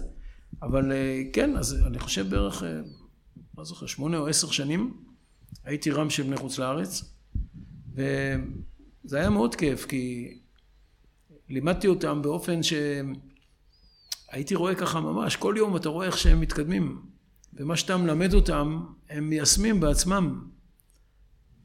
כן, נגיד תמיד הייתי, אף פעם לא קראתי את הגמרא בכיתה. לא הייתי קורא ואז אומר שיעור. כל יום מישהו אחר היה קורא את הגמרא. ולמה? כי הייתי תופס אותם כל הזמן. רגע, רגע, אל, אל תחפף פה. מה בדיוק רש"י מתכוון להגיד? לא, לא יודע. למה רש"י כותב את זה? מה, היה אפשר לכתוב משהו אחר? וזה נכנס להם בדם. והייתי פעם בדינר בקנדה, אז אחד מהתלמידים האלה, הוא עלה לדבר, הוא דיבר על זה. הוא אמר שאני לימדתי אותם איך לקרוא אה, גמרא, וזה נשאר להם, הוא אומר, עד היום. מאוד נהניתי מזה. אבל גם נהניתי מזה שהיה לי אפשרות לחנך אותם. עסקתי בשיעורים, גם בשיחות וגם בענייני מוסר, ו... ראיתי כל הזמן איך הם מתקדמים. בקיצור, מאוד נהניתי מזה. אחרי איזה שמונה, עשר שנים, אז אה, רב אורי כהן היה ראש הכולל אצלנו, שלמדו הלכה. והוא עזב למבשרת. ואז הראשי וקורא לי, והוא אומר לי, אני רוצה שאתה תיקח את המקום של רב אורי. לא יודע, פחדתי פחד מוות מזה. כי אני למדתי קודם, ביחד עם הלימודים, זה שהייתי רם של, המשכתי את הלימודים בכולל, אבל לא גמרתי את כל ה... את כל הסבב הזה שלומדים היום, אה, איסור ביתר, שבת, נידה. אני הולך להיות עכשיו ראש כולל, אבל שוב, אתה יודע, זה מין אה, רוח ממרום כזאת. הפעם לי, כבר, אה, תלך. כבר לא, לא התייעצת, הרגשת מספיק... כן, כן, לקחתי את זה. ואז, אחרי כמה שנים, הצעתי לו לפתוח כולל של דיינות. אמרתי לו, תראה, זה לא, לא בריא שבחורים, אברכים בישיבה, לומדים אה, איזה סדר של ההלכה ואז הם עוזבים. יש כאלה שרוצים להמשיך ללמוד. דרך אגב, כל הסיפור של הכולל הוא כל כך לא היה מובן באותם ימים, כולל לימוד הלכה בתוך הישיבה בעצם. כן. שהאברכים מפסיקים ללמוד גמרא ועוברים ללמוד הלכה. לא, לא זה הבעיה. אז מה? הבעיה היא שהאברכים שמתחתנים, אה, שנשארים ללמוד ורוצים בישיבה. להמשיך ללמוד. כן. עכשיו, אנחנו היינו מתוקצבים על ידי המרכז העולמי של המזרחי. זה היה התקציב שלנו, אני זוכר, 250 אלף אה, לירות בשנה. אז הייתה הנהלה של הישיבה, שהייתה מבוססת על החבר'ה האלה מהמרכז העולמי. עכשיו, הם היו, כמעט כולם היו תלמידי חכמים גדולים. ו... מה, מה, אתם השתגעתם? מה זה הדבר הזה? אתם, יש לכם תעודת בגרות, עשיתם צבא, אתם יכולים, כל העולם עכשיו פתוח, תלכו לעשות משהו, מה זה להישאר ללמוד? הם לא הבינו בכלל מה אנחנו רוצים. אבל אה, ראש ישיבה תמך בנו, ואנחנו הצלחנו לשכנע אותם, ואז הם, אז הם הסכימו. ואז אמרנו להם, אבל צריך דירות. אז היה להם ברירה, אז הם בנו כמה דירות. עכשיו, בציבור הרחב לא היה דבר כזה. מה, אברכים, אברכים. כיפות סרוגות שגמרו ללמוד ועשו את הצבא ורוצים להמשיך ללמוד, לא היה דבר כזה. אבל בסופו של דבר ניצחנו, והוקם כולל. ואז uh, החלטנו ללמוד את ההלכה. אז הביאו את הרב אליעזרוב, שהיה פה הרב של קטמון, והוא גם היה הבוחן הראשי של, אה, של הרבנות הראשית, והוא היה בא אלינו כל שבוע, יום אחד בשבוע. אבל צריך מישהו שינהל את הכולל. אז רב אורי כהן, הוא היה ראש הכולל. אבל בשנת תשל"ד, השנה של אה, מלחמת יום כיפור, אז אה, זה היה שנת המעבר שלו, הוא עבר למבשרת, הוא היה בא כל יום, אבל זהו, רק השנה הזאת. ואז ראש ישיבה, אז זהו, אז אמרתי לו, בוא נקים כולל לדיינות, שהחבר'ה האברכים הטובים יישארו. אז הוא שאל מי יעמוד בראש. אז אמרתי לו, היה אצלנו יהודי, תלמיד חכם גדול מאוד בישיבה, שהוא היה לא נותן שיעורים. הוא היה יושב בישיבה, ומי שהיה רוצה היה בא לדבר איתו בלימוד, והיה מתפלפל איתו. מי זה? איך קראו לו? אה, רב אריה ליימן. היה תלמיד חכם באמת. אה, אז הצעתי לו. הוא אמר בסדר, הלך ודיברנו איתו, ובסדר, הוא עבר לאגף של הכולל. אז בשנת אה, תשל"ד, כשרב אורי עזב את האיסור והיתר, אז אה, ביקש ממני להיות ראש הכולל. ואחרי כמה שנים ביקשתי ממנו לעשות את הכולל לדיינות. ואז עזבתי לאיזה שנתיים, שלוש, הלכתי למעלה אדומים. הייתי ראש הכולל שם, בישיבה שם. כן. וחשבנו, ועברנו דירה באמת, עברנו למבשרת, אבל אמרתי למנהל של הישיבה, תראה, אני, נראה מה יהיה. ואז ראש ישיבה התקשר אליי, והוא אמר לי שרב אריה ליימן עוזב. תבוא אתה תהיה ראש הכולל לדיינות. וואו. תשמע, אני לא למדתי. את הדברים האלה, בטח לא כסדר. בהתחלה הייתי לומד איתם. בקיצור, תבוא, הוא אומר, אתה תסתדר. אז באתי בתור ראש כהן של דיינות. מה שאני רוצה להגיד לך, שאני אף פעם לא ביקשתי תפקיד לעצמי. תמיד זה נחת עליי מלמעלה. אבל מה ששמתי לב אחר כך, יותר מזה, זה לא כמו בעולם האקדמיה, אתה יודע, קודם אתה לומד תואר ראשון, תואר שני, תואר שלישי, ואז אתה מתחיל לחפש איפה אני יכול להביע את עצמי, באיזו אוניברסיטה, כן, מה, באיזה תחום. אצלי הכל הלך הפוך. קודם כל, כאילו אמרו לי מהשמיים, בואו נבנה את המסגרת. תהיה רם, תהיה ראש כולל הלכה, תהיה ראש כולל דיינות, ובסוף אמרו לי, תהיה ראש ישיבה. תספר על זה גם, תספר על ה... כשהגיע הזמן והוא עזב, ראש הישיבה, הרב גולדוויך. כן, אז uh, הייתי בוועדה שמחפשת uh, ראש ישיבה, ובאמת חרשנו את הארץ, כל מיני רעיונות, ולא יודע, לא, לא הלך, שום דבר לא הלך. תמיד ההנהלה מצאה כל מיני... ההנהלה מיני- עדיין זה היה המזרחי ה... כן, אבל הנהלה אחרת כמובן, צעירים יותר. בשנות ה-90, בוגרים נכון? שלנו. מדובר על אה, איזה. שנה? 90 ו... תשנ"ד. כן. ראש הישיבה עזב בתשנ"ג, נ"ד. היה שנה אחת אה, מצב ביניים כזה, רב דוד קו התמנה לראש ישיבה זמני, ובינתיים אנחנו מחפשים. ולא הלך. פשוט לא, לא הלך. לאט לאט מתחילים ככה לזרוק לי כל מיני רמזים. אני הייתי גם הזקן שבחבורה. היו, רב דוד קו היה זקן ממני, אבל מתכוון מישהו שלמד בתוך הישיבה, גדל mm-hmm. בתוך הישיבה, אז uh, כל מיני רמזים כאלה, ודחיתי את כולם. תראה, 15 אה, שנה לפני כן, קורא לי הרב הדרי. הוא אומר לי, תשמע, אני רוצה לעזוב את הישיבה. הוא היה אז ראש ישיבת הכותל. כן. הוא אומר לי, אני רוצה לעזוב. מה בוש לעזוב? אני אמשיך לגור כאן ולהתפלל בישיבה, אבל אני רוצה לשבת לכתוב. אבל אני רוצה לדעת שאני מעביר את המושכות למישהו שאני יכול לסמוך עליו. תבוא אתה, תהיה פה ראש הוא הכיר אותך מקרם ביבנה, הוא כן, היה משגיח של קרם ביבנה, סיפרת. היינו מאוד בידידות כל, כל השנים. אז הוא אומר לי, אני רוצה שתבוא לכאן. אמרתי לו, זה לא שייך בכלל, אני, אני ראש ישיבה, לא, לא מתאים לי הדבר הזה. אגב, מי שהחליף אותו אז היה הרב, הרב שגר בשנים האלה? לא, הרב שגר זה היה לפני כן, מין שנת שבתון כזאת. Mm-hmm. מי שהחליף אותו זה היה הרב מוטי אילון. אבל זה היה כמה שנים אחרי זה, כי הבנתי. הוא לא מצא... אני זוכר שישבתי אצלו עד אה, ככה חצות הלילה, ואז הוא יוצא ללוות אותי, והוא אומר לי, אתה רואה את כל העסק הזה? זה יכול להיות שלך. אבל אה, כתבתי לו אחרי כמה ימים, אמרתי לו, זה לא ש... דרך אגב, זה...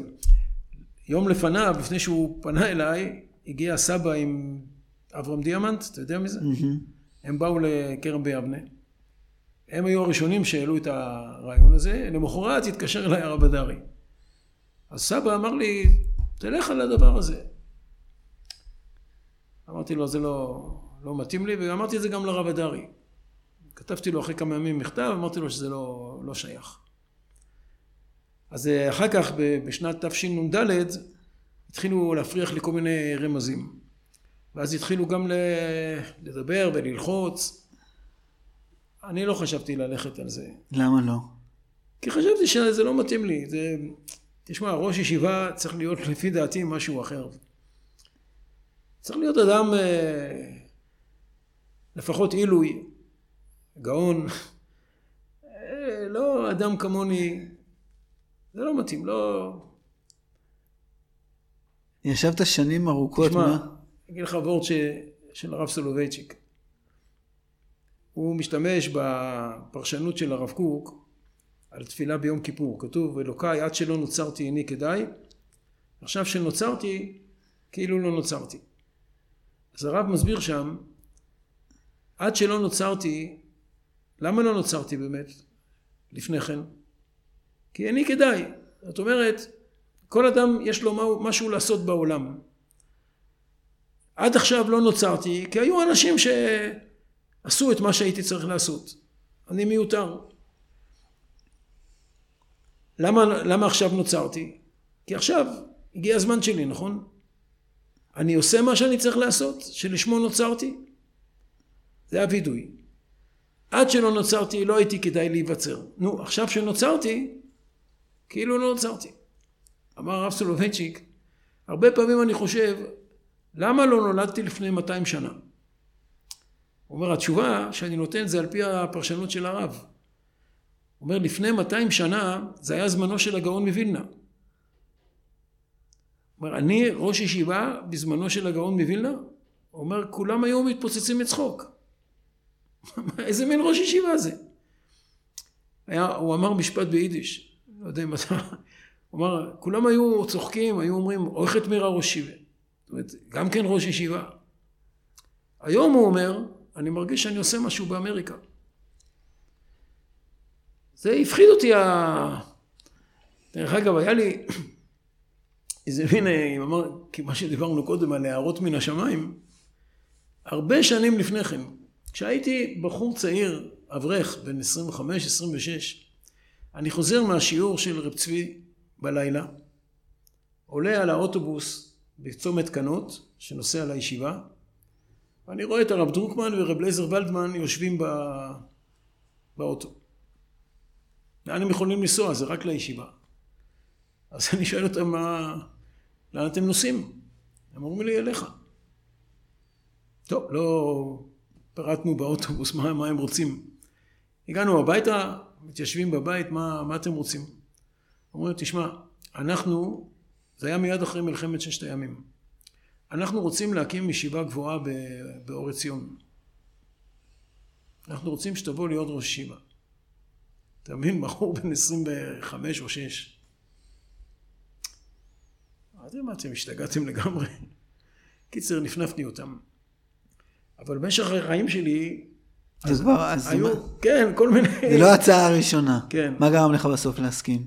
אני אגיד לך, אה, אחרי שחיפשנו כל כך הרבה, לקחתי מוצאי שבת אחד, חבר שלי שהוא היה רם אצלנו הרבה שנים, הרב משה ארנרייך.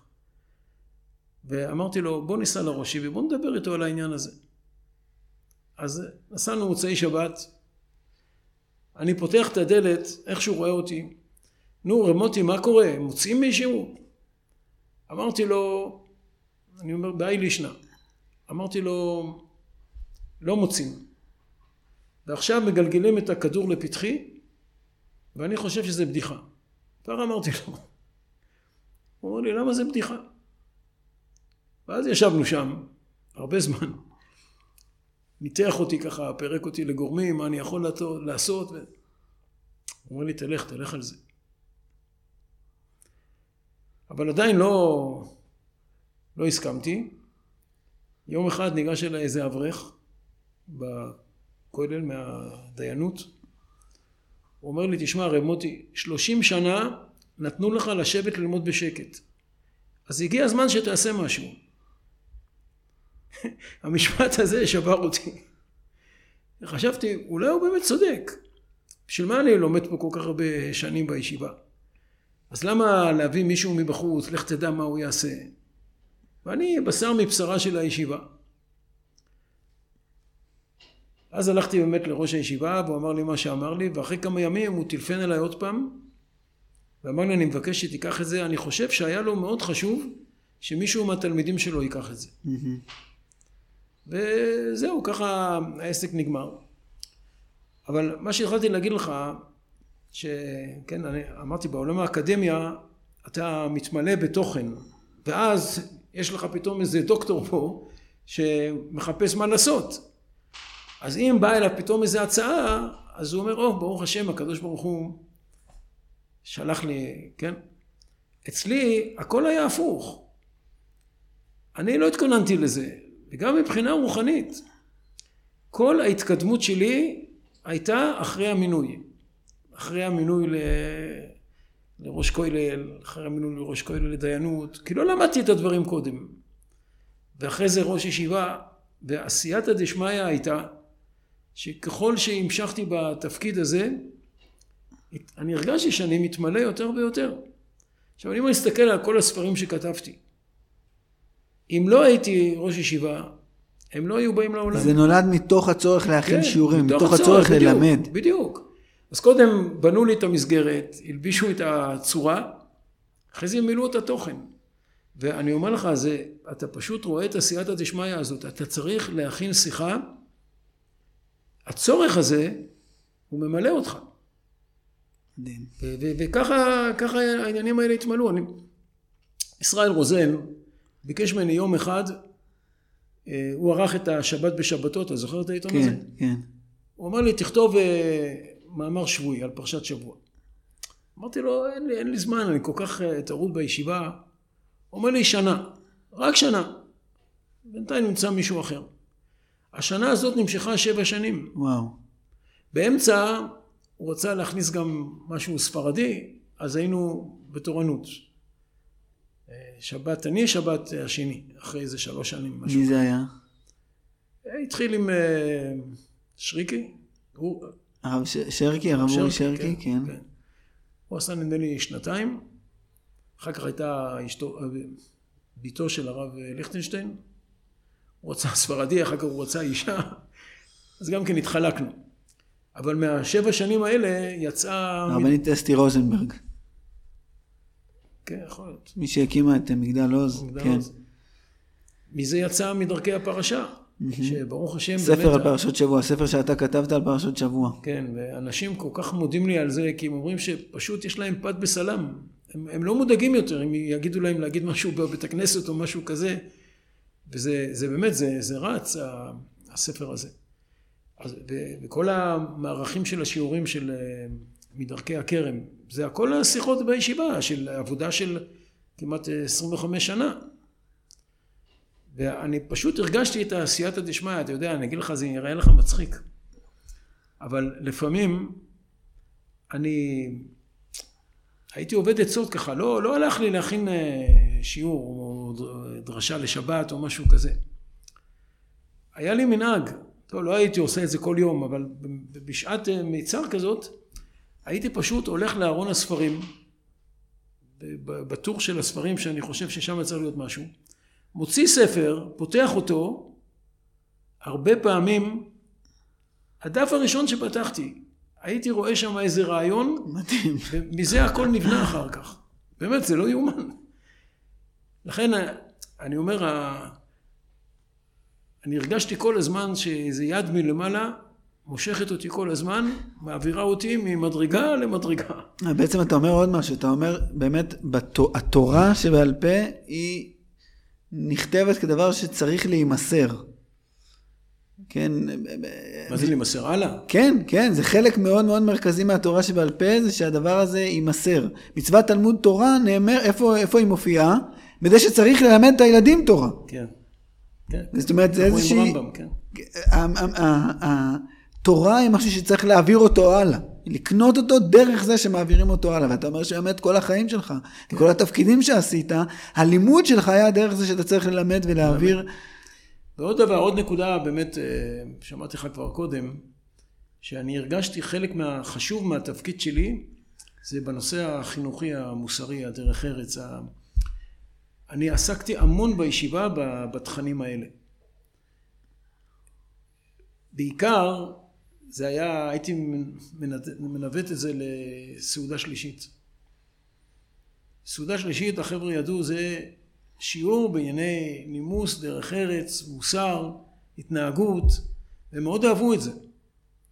ואתה יודע, כשעברנו לא מזמן, העברתי את כל הספרים שלי מהישיבה הביתה, היה שם המון ספרים שקיבלתי מתלמידים. אה, חברותות, חתונות, דברים כאלה.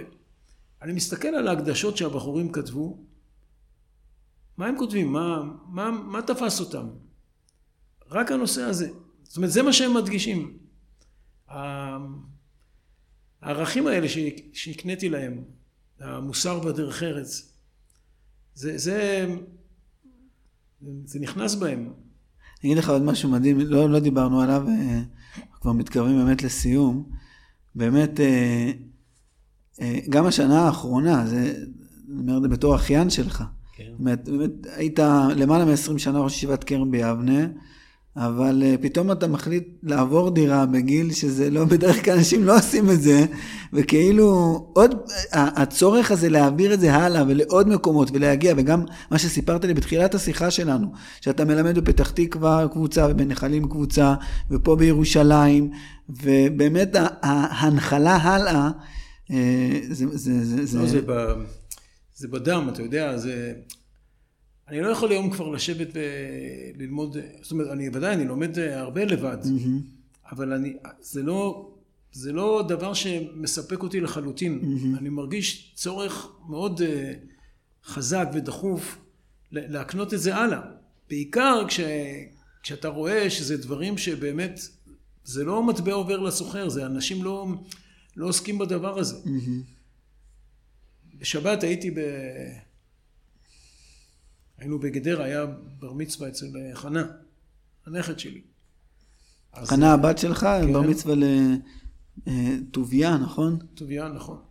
אז אה, תמיד כשאני בא לשם, אז יש לי ככה סבב בגרעין, בבית הכנסת, שיעורים. שיעורים, כן.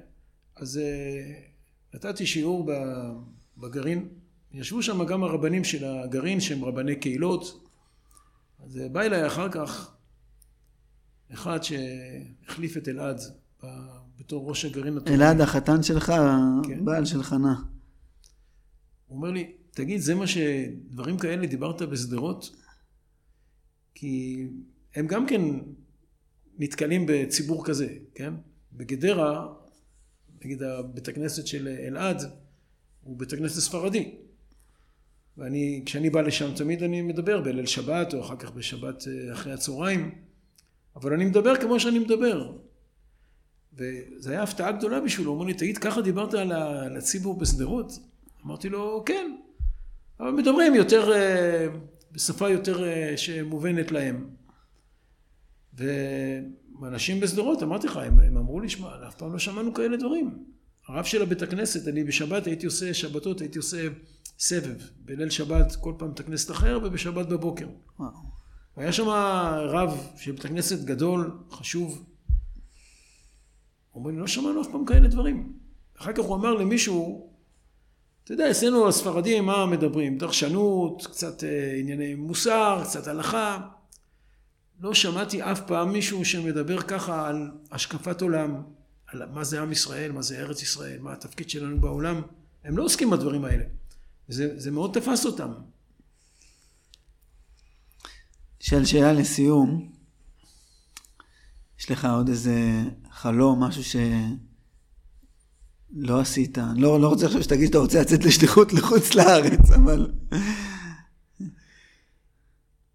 כן, יש לי, אבל אני, אני לא יודע, אני מפחד להתחיל אותו. לא, לא משהו גרנדיוזי, פשוט אני מסתכל על ה... איך קוראים לזה? על הקלסרים של כל ה... שיעורים שלך. כל השיעורים והשיחות שנתתי, ואני שוקל אם...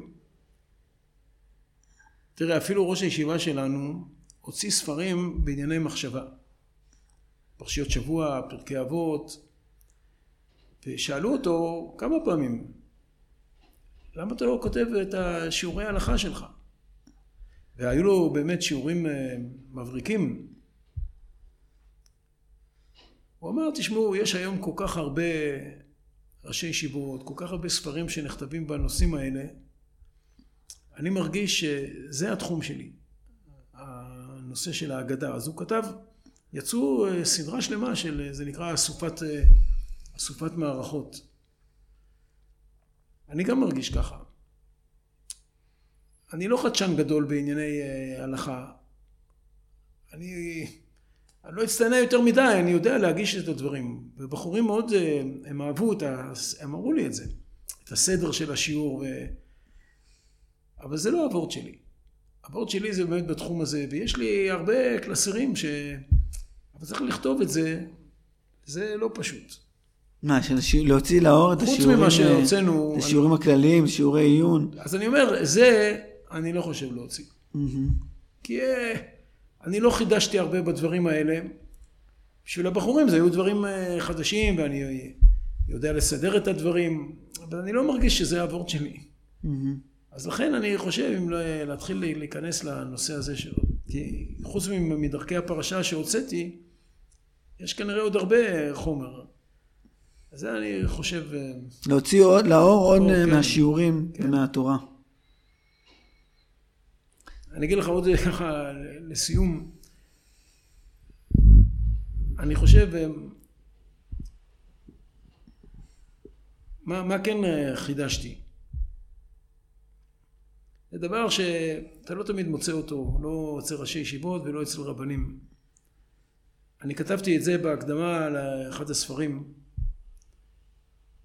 שהיה לי תמיד כלל, השיחה שלך צריכה קודם כל להביע איזה חידוש.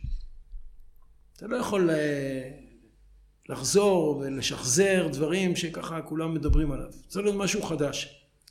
עכשיו כתבתי לא, לאו דווקא חדש שלי. לא אכפת לי שזה יהיה חדש של מישהו אחר. אבל שהשומע ישמע דבר חדש. זה א', וב', ש...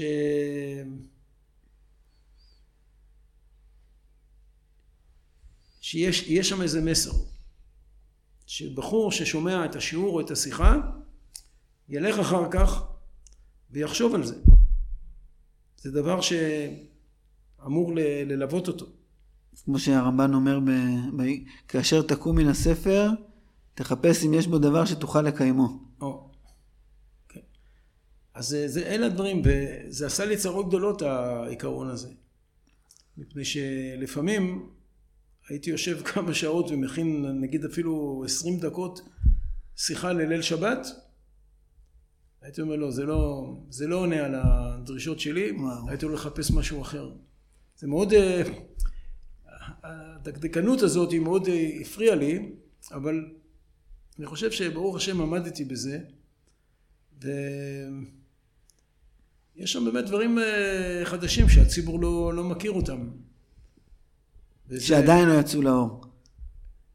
כן, גם מה שיצא וגם מה שלא יצא, ו- וזה... אני אגיד לך אפילו, טוב, דיברנו קודם על הרב קולודצקי.